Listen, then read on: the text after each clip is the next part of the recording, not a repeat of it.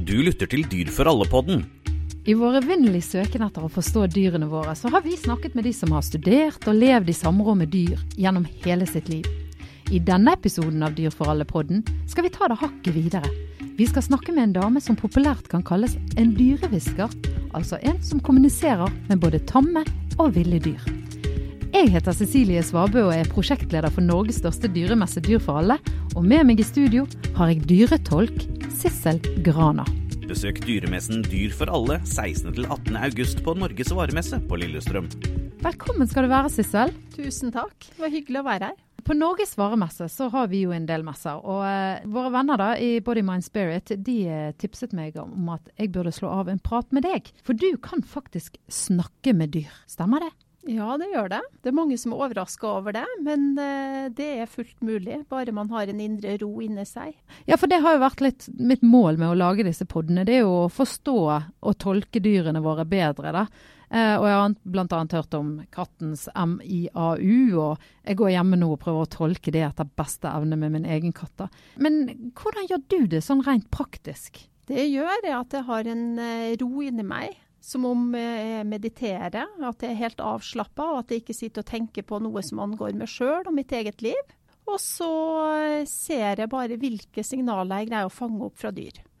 Og det kan være at jeg kan kjenne følelser fra dyr. Jeg kan se indre bilder, sånn som vi gjør når vi drømmer eller dagdrømmer. Eh, jeg kan eh, bruke intuisjonen min, sånn at jeg bare vet noe. Ja, Så det er tankeoverføring, det er ikke et språk? Det er ikke en tankeoverføring, fordi at den som sender er bevisst på hva han velger å si og hva han velger å holde tilbake igjen. Sånn at det er en bevisst kommunikasjon fra dyret sin side. Sånn at de, de kan fortelle meg mye. Men det som kan være krevende for meg, er jo å begynne å lage norske setninger ut av alle disse inntrykkene. Ja, for det kommer ikke som et konkret språk til deg? Noen få ganger kan jeg få det som tanker eller som ferdige setninger, men som oftest så må jeg lage setningen på norsk. Okay. Så, så, hvis jeg snakker med en hund, og så får jeg se bildet f.eks. av en mann i grønn treningsdress, og så har han langt hår i hestehale, og så tenker jeg at han er menneskepappa, og så kjenner jeg at jeg blir glad eller får en god følelse, da kan jo jeg si et eller annet om at den hunden da sannsynligvis er med pappa som ser sånn og sånn ut ja. uh, på joggetur, og at hun liker det, f.eks. Det er jo utrolig fascinerende, da. Ja, det er spennende, altså. Og det... Men Når fant du liksom ut at du hadde denne evnen? Ja, det er jo det som er litt trist, for jeg burde jo funnet ut det når jeg var barn. Ja. Men jeg har jo vokst opp i en norsk kultur der vi lærer at dette her er umulig. Og det hvis du ikke kan se det, så er det ikke der. Ja, ikke sant. Mm. Så eh, overgangen for meg kom vel når jeg møtte en uh, utenlandsk dyretolk som prata med min hund, og som sa så mye konkret som hun ikke kunne gjette seg til. Og så var det hun som sa at dette her kan du også lære, Sissel. Og så gikk jeg på kurs. Og så opplevde jeg at uh, det var egentlig ikke snakk om å lære noe nytt. Det var vel kanskje mer snakk om å lære noe som allerede lå i meg, da. Eller å bare ta det i bruk. Har du, eh, har du kjæledyr hjemme selv? Ja, jeg har fire katter og to hunder. Ai, ai, ai. Så da har du en del eh, samtaler gående der? Ja da, jeg har det. Og tidligere eide jeg hest også, men det er mange år siden nå, da. Men jeg er utrolig glad i dyr. Og egentlig alle typer dyr. Både gårdsdyr og ville dyr. Og ja, hva for noen dyr vil du si er kanskje de som er best på å kommunisere, da? Det er kanskje ikke dyrene som er best på å kommunisere, avhengig av hvilken art de er, tror jeg. Jeg tror okay. det handler litt om eh, oss som mennesker. Hva slags dyr er det som appellerer veldig til oss? Eh, og hvilke dyr er vi åpne for å ta imot signaler fra? Og det er jo ofte kjæledyr ikke sant? vi åpner opp for den type relasjon til. Men du kan jo få det til både ville fugler og fisk og alle dyr. Egentlig. Ja, for har jo, jeg har jo snakket med deg litt på forhånd. Eh, og da snakket du om at du hadde vært en tur på Galapagos, og der er det jo ikke så mange tammedyr. Nei. Men du hadde en del samtaler der også? Jeg hadde mange samtaler. Og det var litt morsomt, fordi at eh, de dyrene som vi møtte der, eh, de var jo representanter for sin art. Og veldig bevisst på at det var faktisk den rollen de hadde. Okay. Så det var mange sterke opplevelser der nede, altså. Kan du gi oss noen eksempler på dyr? Ja, jeg kan jo det. Kanskje den aller sterkeste opplevelsen jeg hadde, det var med en skilpadde der nede. Fordi at her hjemme i Norge så møter jeg så mange dyr som eh, skal avlives.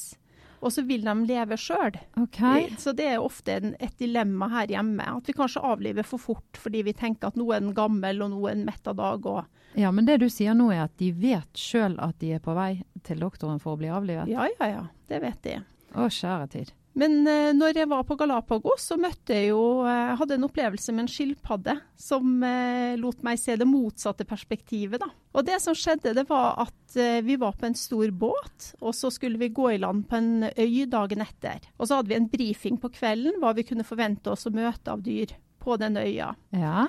Og så sier han guiden vår at eh, nå er vi utafor sesong, så dere kan ikke forvente å møte landskilpadde på denne øya her. Men det gjør ingenting, for vi skal møte de på en avlsstasjon et annet sted. Okay. Og jeg ble så skuffa, for jeg tenkte nå har jeg reist helt til Galapagos for å møte landskilpadda, som jo er et yndlingsdyr for meg, da. Uh, og jeg var kjempelei meg for det, og gikk på lugaren min og mediterte. Og så sa jeg til disse landskilpaddene at vær så snill å møte opp. Ja. Klokka da og da går vi i land i morgen. Vær så snill å komme. Jeg har reist helt fra Norge for å møte dere. Og når båten la i land, og vi gikk, gikk i land, så trodde jo Johan-guiden ikke sine egne øyne, for det lå altså landskilpadder overalt Nei, på den stien der vi skulle gå. Ja. Så han har aldri sett så mange skilpadder på den øya før. De hørte kallet. De hørte det, og det var fantastisk. Jeg gikk jo og kommuniserte med den ene etter den andre. Og så kom jeg unna en sving, og så ser jeg at langt der framme på stien, så ligger det en eh, skilpadde. Og så kjenner jeg sjøl at på min egen kropp får fysiske smerter. Oi. Sånn at jeg fikk veldig vondt både inn på mavesida og inn på hoftepartiet på høyresida. da. Og så kjenner jeg at den skilpadda der fremme, det eneste den ønsker, det er å dø. Og så går jeg frem til den, og så når jeg kommer til den, så ser jeg at den hadde en diger bulk i skallet. Ja. Sånn at der jeg hadde kjent smertene på min egen kropp, der var skallet egentlig bare helt sånn Det hadde vokst feil vei, da. I stedet for å bue seg utover, så hadde de bua seg innover. Og Da sa han guiden at denne her, den, eh, de hadde mykt skall når de var små, sa han. Sånn at han, eh, han mente at den har sikkert vært utsatt for et fall eller et eller annet, og så hadde dette skallet vokst feil. Stakkars. Ja, det var fælt, og det var også eh, på en måte en sånn opplevelse der, der du visste at den ville dø, og du så gjerne skulle kunne hjelpe den med det, men det var jo ulovlig. Du hadde jo ikke noe mulighet Nei. til det som turist der, da. Så det var jo et helt annet perspektiv for meg òg. Besøk dyremessen Dyr for alle 16. til 18. august på Norges varemesse på Lillestrøm. Ja, for det er jo eh, litt av det jeg har tenkt på i forhold til det å kunne kommunisere med dyr. Sånn som skilpadder og slanger og disse andre altså reptiler. Da, de er jo ganske uttrykksløse, men allikevel så har de et budskap og et språk, sier Ja, du. fordi du prater med sjelen, du prater ikke med kroppen. Okay. Og det er kanskje der vi gjør så feil, ikke sant. Sånn som når vi er på fisketur f.eks. Eh, og vi fisker og vi drar liksom en fisk opp eh, etter en krok gjennom munnen. Hvis den kunne vrenge øyelokket eller hyle eller noe sånt når du dro den over båtripa, så hadde jo de færreste likt å fiske, tror jeg. Det- Men du ja. får på en måte et dyr som er helt eh, i menneskelig tankegang uttrykksløst. Men det dyret har jo likedanne følelser som vi ville hatt i tilsvarende situasjon. Så det er tankevekkende. Ja, det, du får ikke mye lyst til å fiske, altså. Nei, eh, du gjør ikke det. Men eh, på den andre siden så, eh, så er jo liv og død noe som, som dyr opplever som veldig naturlig. Men som vi mennesker kanskje har dratt altfor langt i forhold til at vi har laga en industri ut av dette. Men det å behandle dyr godt, og kanskje likevel ende med de som et sluttprodukt, opplever ikke at dyr flest har noe imot, med mindre de da, eh, at de da Forutsetninga at de har et veldig bra liv først, selvfølgelig. Mm. Men eh, det- det jeg også har lyst til å tenke på, for det er jo faktisk noen dyr som snakker. Og da snakker vi om stuefugl. Mm. De prater jo faktisk norsk. Og sånn som papegøyen er jo ganske sær av og til, for den kan ligge sin elsk på den ene og nærmest hate den andre. Eh, er det sann kommunikasjon i det, det språket som kommer fra de, eller? Ja, kanskje hvis noen på en måte er en enmannsfugl, så kan du få den type følelser. At du ikke skjønner at dette er et ektepar som eier denne fuglen sammen, men du tror at det bare er den ene. F.eks. at det er mannen sin fugl. da. Ja. Det har jeg opplevd noen ganger. Så da kan de bli litt sånn mannevond mot den andre. Ja, eller litt sånn sær. Men det kan jo også være at, uh, at uh, dyr kan ha problemer også, som gjør at det ene mennesket uh, assosierer den kanskje noe litt mer negativt mot. Som okay. kan være med å snu den tankegangen i en dyretolktime. Det du mener da, at da kan du ta en prat og så, eller kommunisere med dem, og så vil de på en måte forstå at det nytter ikke å være, være vond mot den ene. Ja, For de kommer du. i to spann.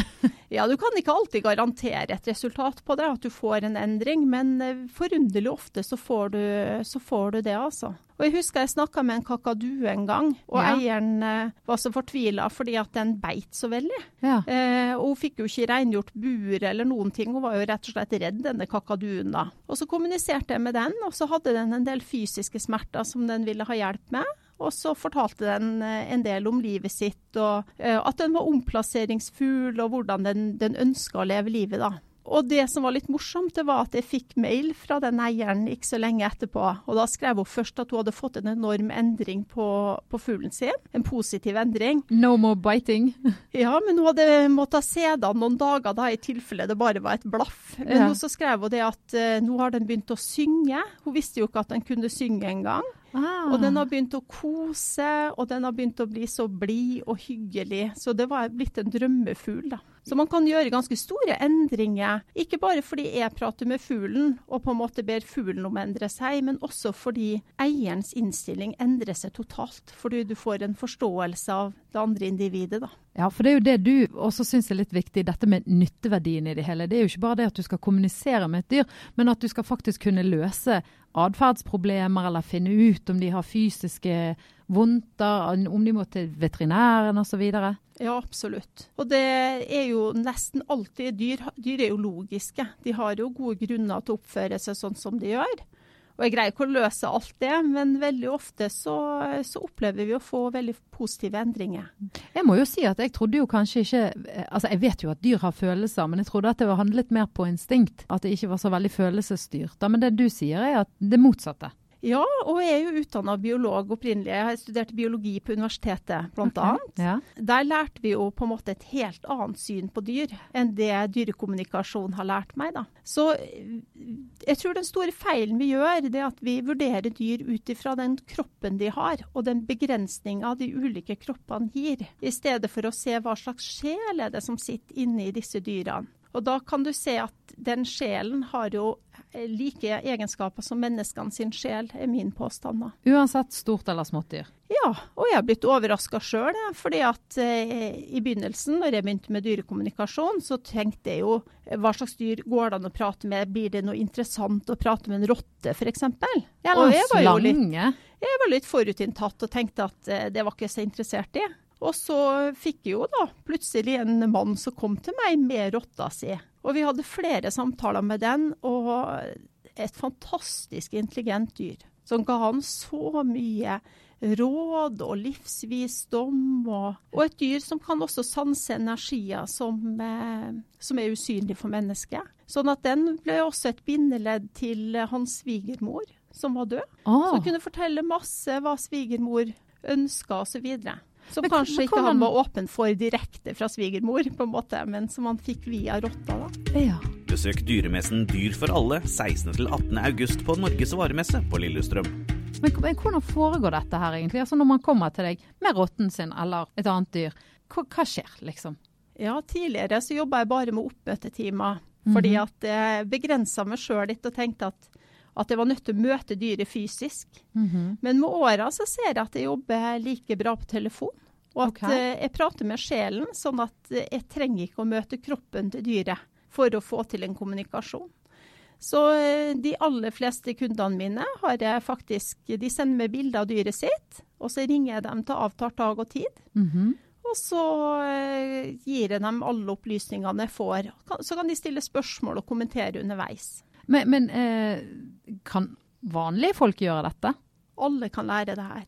Det er, det er kanskje ikke alle som blir flinke nok til å ha det som yrke. Nei. Men eh, absolutt alle som eh, har en positiv intensjon og som ønsker å lære, opplever å få til noe. Og jeg har jo hatt massevis av folk både på nybegynnerkurs og på dyretråkkskole. Ja, for du holder jo kurs i dette. Så hva skjer da, liksom? Da har vi enten oppmøtedager, eller så har vi nettkurs. Så jeg har en kombinasjon av begge deler. Eh, og, jeg opplever at folk får det til.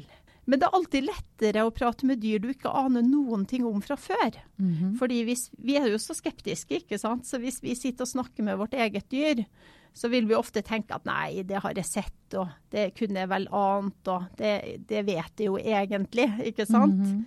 Selv om vi da egentlig har fått en kommunikasjon, så tror vi det ikke helt. Men når du sitter og prater med et helt fremmed dyr, og så begynner du å beskrive barn i familien, eller hvordan det ser ut hjemme, eller hvordan hytta ser ut, eller personlige ting. Det som de ting. har sett gjennom sine øyne og oppfattet. sant. Ja. Spennende. Og da, da skjønner jo de fleste at jøss, eh, til og med jeg kan.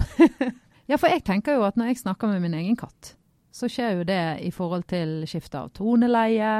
Blinker gjerne til henne, altså bruker litt sånn kroppsspråk. da. For hun går jo rundt etter meg som om hun har lyst til å fortelle meg noe. Hele tiden. Men eh, jeg har jo liksom ikke Jeg står og sier til henne Hva er det du prøver å si meg? Hva prøver du å si? Jeg hører du prater, men jeg forstår det ikke. Nei. Og det, det å kunne kommunisere gjennom kroppsspråk, det er kjempenyttig. Og det er en veldig fin ting å lære seg, uansett hva slags dyr du har, fordi at dyr kommuniserer stort sett mye på den måten også. Men dette her ligger på en måte et nivå innenfor, kanskje. Eh, fordi at det er ikke snakk lenger om å observere og analysere, men det er snakk om å gå inn i en tilstand av indre ro og se hva er det du kjenner da. Og noen kan jo bli veldig overraska. Jeg husker jeg hadde en journalist på besøk for mange år siden, og vi satt og prata om dyrekommunikasjon i flere timer. Og når hun skulle dra, så husker jeg at jeg sa til henne at husk at det viktigste i denne artikkelen din, det er å, å få folk til å stole på sin egen intuisjon eller sin egen magefølelse. Ja, sa hun, så dro hun. Og så kom hun hjem, og så dro hun til foreldrene sitt tomme hus for å skrive ferdig artikkelen sin. Og når hun skulle gå derifra, så satt katten til foreldra i gangen og tok blikkontakt med henne som hun aldri før har kjent. Og så hørte hun at hun sjøl sa 'er du syk'? Og så tenkte hun bare 'oi, oi, nå har jeg prata med dyretolken, og nå tror jeg at jeg kan'. Så hun bare låste døra og dro hjem. Og så døde katten. Nei! Så den, denne følelsen som vi har, stol alltid på den. Det er en grunn til at du føler som du gjør. Ja. Men eh, hvis katten min hadde kommet bort, kan du hjelpe til med å kommunisere med katten sånn at vi kan finne den eksempelvis? Eller hunder, katter, de som, dyr som forsvinner? Det er jo mye fugler. Ja. Jeg personlig skjermer meg fra savna saker. Jeg syns det er krevende saker å jobbe med. Ofte, ofte går det over flere uker også. Så det, det er ganske heftig arbeid. Jeg har selvfølgelig vært med på det, og har hatt mange sterke, fine opplevelser med det også. Men per nå så er det en god del av elevene mine, bl.a., som har gått dyretolkskolen før, som eh, jobber med sånne saker. Okay. Og noen ganger så eh, blir det ingen løsning. Eh, F.eks. så er jo telepati vanskelig med at du ikke vet tid.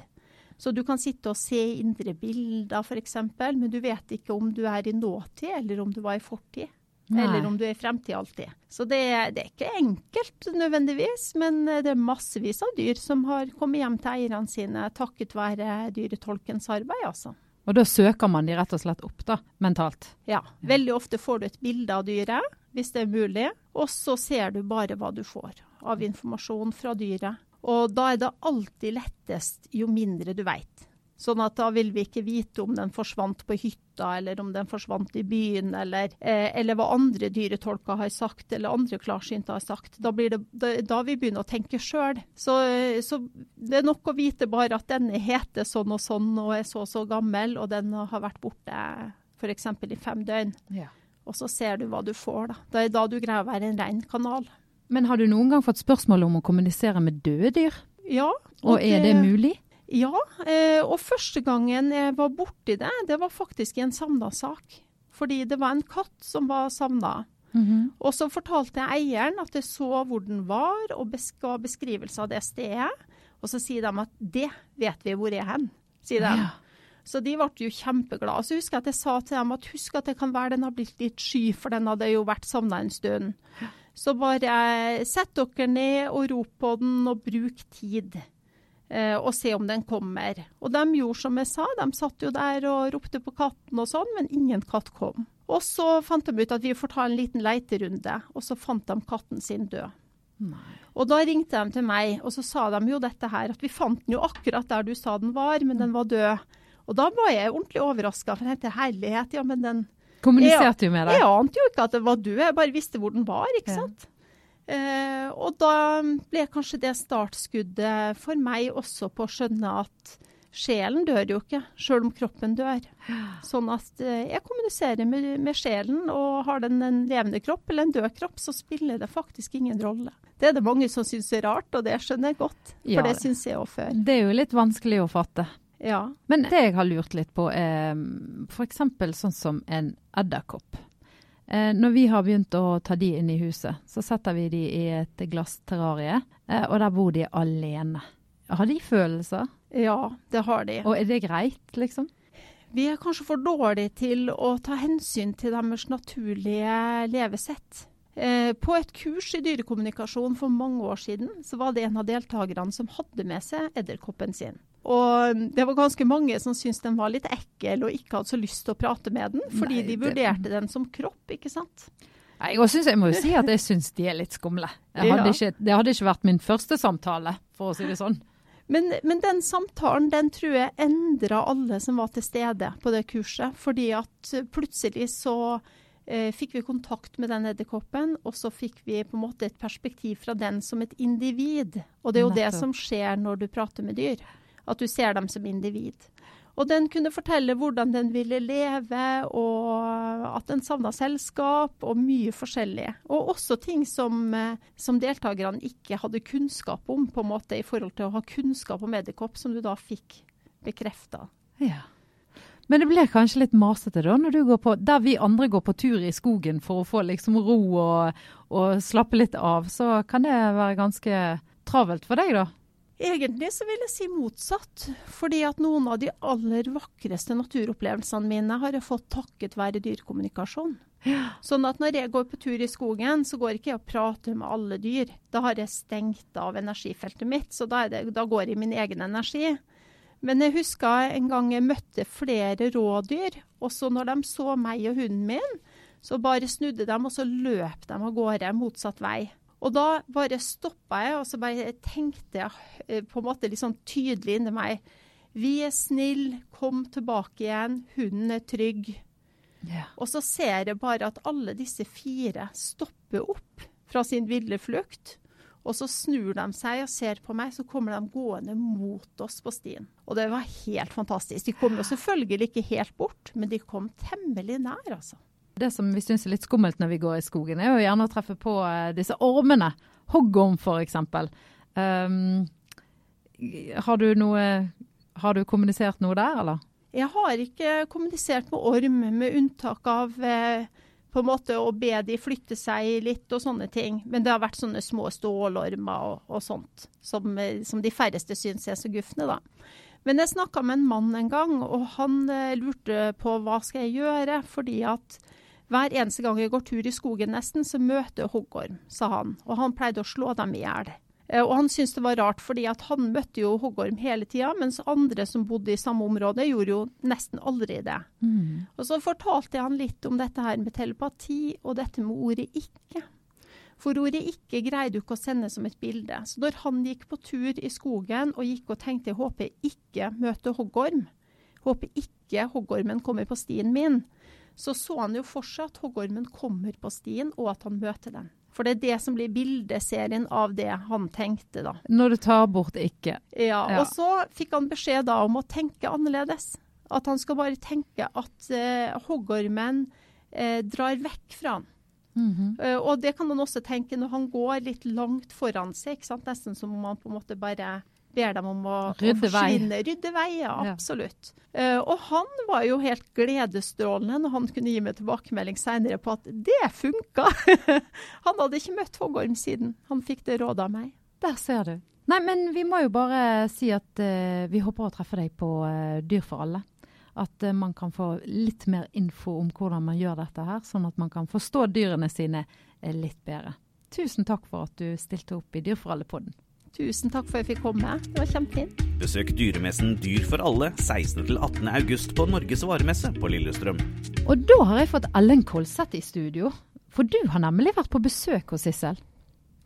Ja, det har jeg. Jeg traff uh, Sissel Grana på en messe Dogs for All, hvor hun holdt et foredrag. Og, ja, og, og der var du fordi at du uh, sjøl er hundeeier? Ja, jeg ja. har uh, tre hunder. Og en av hundene mine er en omplasseringshund fra en kennel. Uh, hun hadde et problem som var å tisse over uh, ganske hele leiligheten min. Hun skvettet overalt? Ja. Ai, ai, ai. Ja, det vil du ikke? Nei, jeg fikk ikke bukt med det. Jeg prøvde alt det som sto i læreboka, og bare Det var ikke mulig. OK, så da var siste utvei uh, ja, dyretolk? Ja, jeg tenkte nå skulle jeg prøve dette her. Mm -hmm. Og fikk en time hos Sissel Grana. Reiste ned. tok med meg selvfølgelig hunden, Mandy. Og der, eh, etter en kort samtale med Sissel, så tok hun til seg Mandy og hadde henne inne på sitt eget ja, rom. Ja, De hadde altså en prat under fire øyne? Ja, jeg var ikke med på den. Så du måtte sitte på gangen og vente? Det måtte jeg. Spennende, da. Ja, ja det var veldig spennende å vente. Så um, når Sissel kom ut, så fortalte hun meg at uh, Mandy hadde fortalt henne at hun hadde et tisseproblem. Okay. Hun, hun, kunne ikke holde seg. Så dette hadde hun faktisk kommunisert til Sissel? Ja. ja. Så, og hun visste at det var et problem, ikke bare for uh, henne, men også for meg, da. Mm. Uh, så hun hadde da spurt om å få Hun spurte faktisk om å få sitt eget lille tissested. Ja, for det, det var det som var problemet, at hun måtte tisse der de andre hadde liksom skvettlappen sin også? Ja, mm. for jeg har lagd et lite tissested for de inne fordi at jeg er veldig mye ute, noen ganger opptil tolv timer. Ja. Og da har jeg lagd et lite sted foran terrassedøren. Uh, men så da, etter den samtalen med Sissel, så fikk hun et lite nytt tissested som hun har de siste Jeg tror det snart er åtte år siden jeg var hos Sissel. Såpass. Fortsatt tisse på, og det alt fungerer helt fint. Så hun fikk seg sitt egen lille skvettlapp, ja. og dermed så ble det bra. Ja. Men så fantastisk, da. Ja, og egentlig så skulle jeg kanskje ha skjønt det, for at hun er en veldig feminin hund og liker å gjøre sine egne ting. Men ja. uten Sissel så hadde jo ikke jeg skjønt akkurat dette tisseproblemet, da. Nei. Mm. Men så hva? Ja. Vi har altså skjønt at det er superviktig å prøve å tolke husdyret så godt som overhodet mulig, da våre kjæledyr faktisk er avhengig av vår omsorg for et godt liv. Dette har vi tenkt på på messen Dyr for alle i august. Der finner du nemlig over 80 foredrag om forskjellige dyrearter, og selvfølgelig om dyrevelferd. Og kanskje du til og med kan bli med Sissel Grana på kurs for å lære teknikkene for å tolke dyr enda bedre? Ta en prat med henne på Dyr for alle. Velkommen. Du har lyttet til Dyr for alle-podden. Sjekk ut dyrforalle.no for mer info.